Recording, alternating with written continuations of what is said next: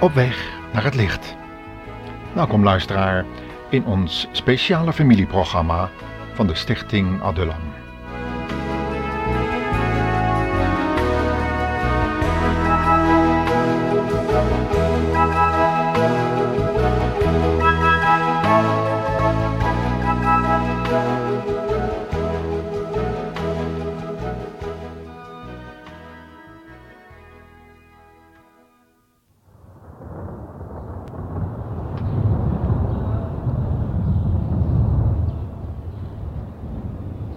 Het was midden in de nacht.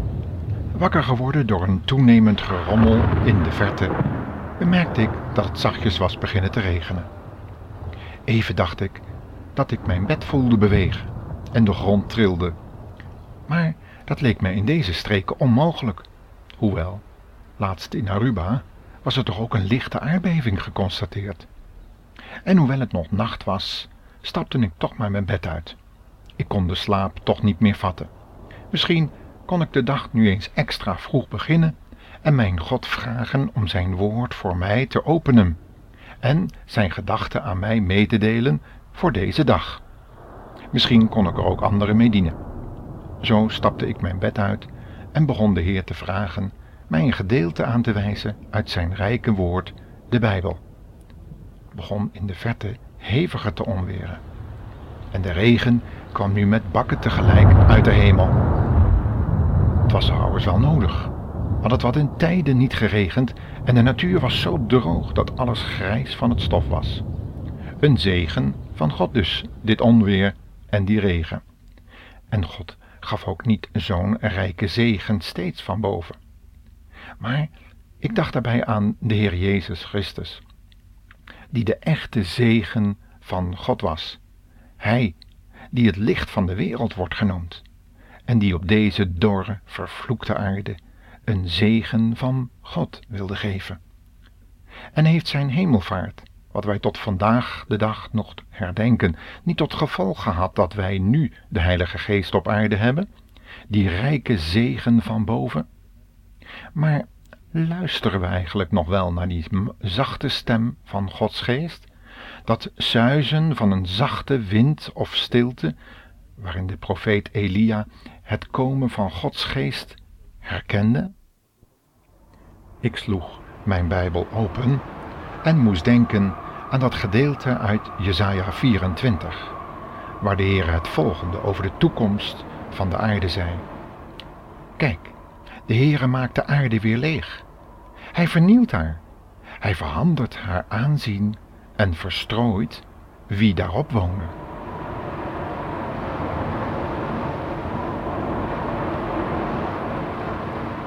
Ik bleef steken bij deze tekst en dacht aan de vele oorlogen en geruchten van oorlogen die we momenteel in de krant lezen en over de radio en de televisie horen. Bosnië en Servië in een voortdurende godsdienstoorlog verwikkeld. Israël onder een voortdurende bedreiging van vijandige buurlanden. Rassenrellen in Afrika. Onlusten in Suriname. En ga zo maar door. Hoe lang zal deze aarde het nog uithouden onder zoveel geweld? Wanneer zullen de tienduizenden tonnen nucleair materiaal tot ontploffing gebracht worden, zodat de hele aarde inderdaad leeggemaakt zal worden? Nu al zie je de vluchtelingen uit allerlei landen verstrooid worden. Nergens vinden ze een rustig plekje meer om te wonen en te leven. Verdreven van huis en haard zoeken ze vertwijfeld naar overige familieleden. Verdriet is overal aanwezig.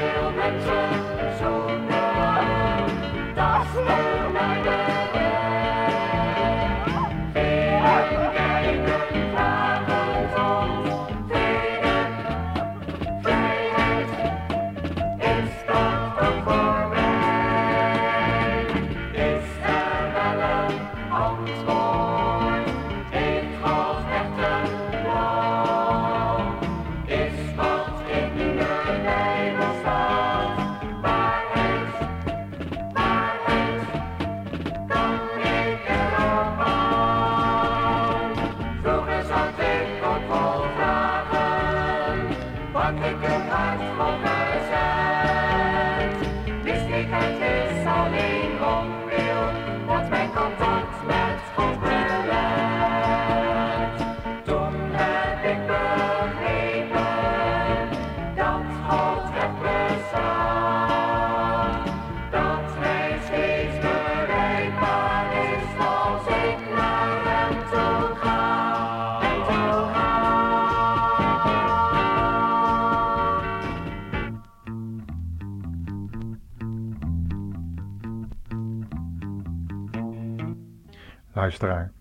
De profeet Jezaja heeft al die gevoelens ook gekend.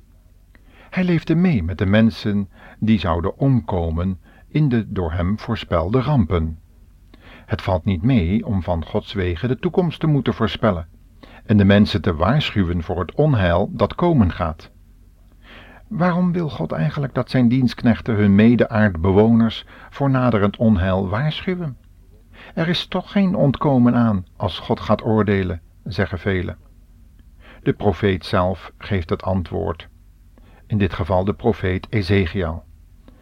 In zijn hoofdstuk 33, vers 7 en 8 laat hij God het volgende tegen ons zeggen. Mensenzoon, ik heb u gesteld als een wachter over het volk Israël. Luister daarom naar wat ik zeg en waarschuw hen namens mij. Als ik tegen de goddelozen zeg, u zult sterven, en u waarschuwt hen niet dat zij zich moeten bekeren, zal hij wel vanwege zijn schuld sterven, maar ik zal u verantwoordelijk stellen voor zijn dood. Als u hem echter waarschuwt en zegt dat hij zich moet bekeren, en hij doet dat niet, zal hij sterven vanwege zijn zonden, maar u hebt uw leven veilig gesteld.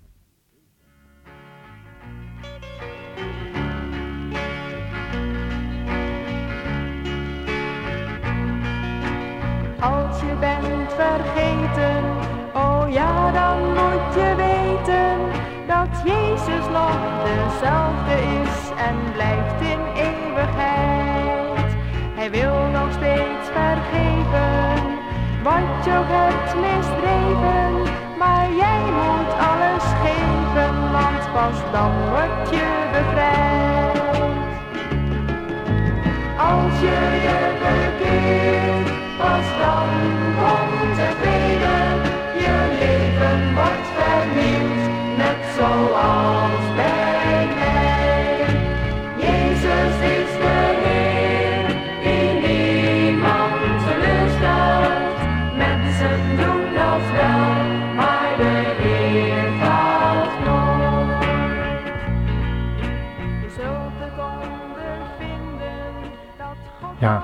zal het inderdaad ondervinden dat God van zijn kinderen houdt en als je je bekeert dat er vrede komt.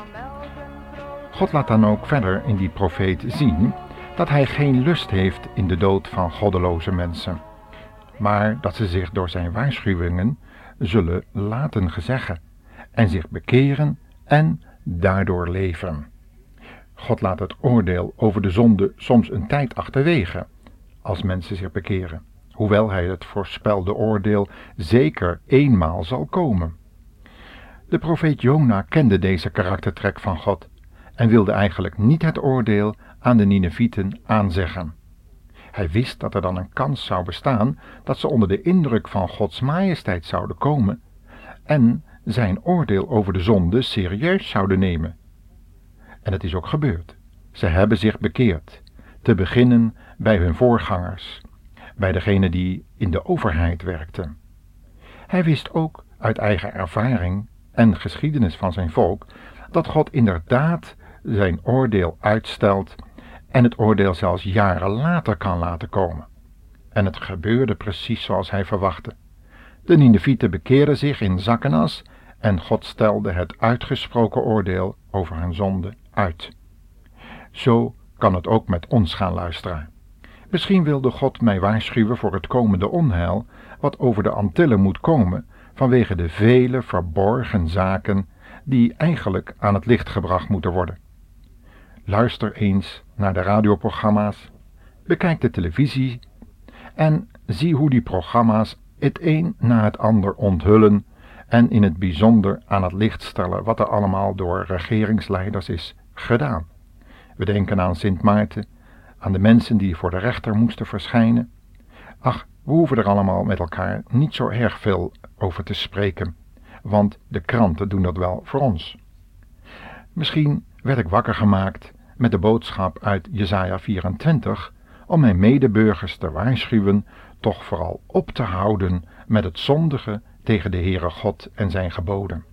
Seksueel geweld, drank, drugsverslaving, corruptiepraktijken, bedrog en gebrek aan verantwoordelijkheidszin zijn in toenemende mate op te merken. En juist die mensen waarvan je het niet zou verwachten, doen aan al deze praktijken mee, christenen eh, niet uitgezonderd.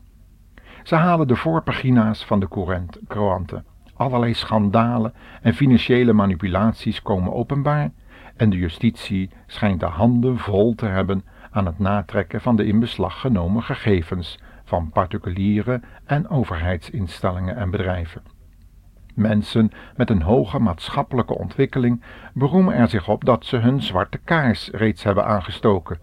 En de justitie zal dus achter het net vissen volgens hen, zoals dat vorige malen is gebeurd. De aanklachten zullen dan spoedig geseponeerd worden of onder in de la terechtkomen.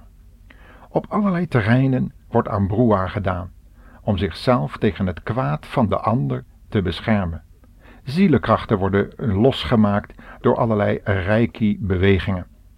En om zichzelf te bevoordelen ten koste van anderen gaan men naar tovenaars en allerlei indianen die in de bossen en in de rotskloven het een en ander voor u willen bewerken. Tovenaars reizen met drugstransporten mee om deze te beveiligen met hun broa-technieken, met hun manipulatie. Duizenden guldens worden uitgegeven aan religieuze uh, allerlei handelingen die het daglicht niet kunnen verdragen. Er worden abortus gepleegd. Er worden liefdesdrankjes gebrouwd. Zou God al dat min of meer openlijk bedreven kwaad nog langer kunnen aanzien zonder in te grijpen? Hoeveel huwelijken zijn al kapot gegaan door allerlei broa-praktijken? Jeremia zei er dit van toen hij hoorde dat de vrouwen van zijn volk aan de Meleget of koningin van de hemel offerden en zelfs koeken bakten met haar afbeelding erop, een vrouw met een kind. We lezen het in Jeremia 45, vers 21, waar staat: Denkt u dat de Heere niet wist dat u en uw vaders, uw koningen en bestuurders en het hele volk reukwerk brandde voor afgoden in de steden? Omdat hij deze afschuwelijke dingen niet langer kon aanzien, maakte hij uw land tot een woestenij, een ongelooflijke puinhoop.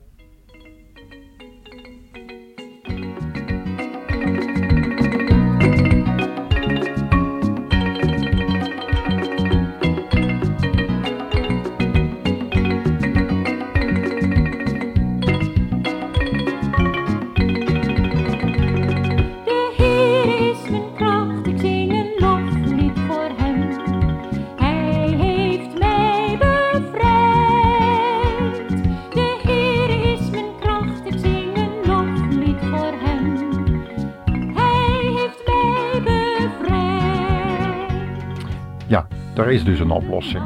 Wanneer we ons wenden tot de Heer Jezus en onze zonde beleiden, in het licht gaan leven, dan kunnen we met deze dame zingen dat de Heere ons bevrijd heeft. God zegen u. Een volgende uitzending hopen we dit onderwerp verder uit te werken. De Heer is met niet.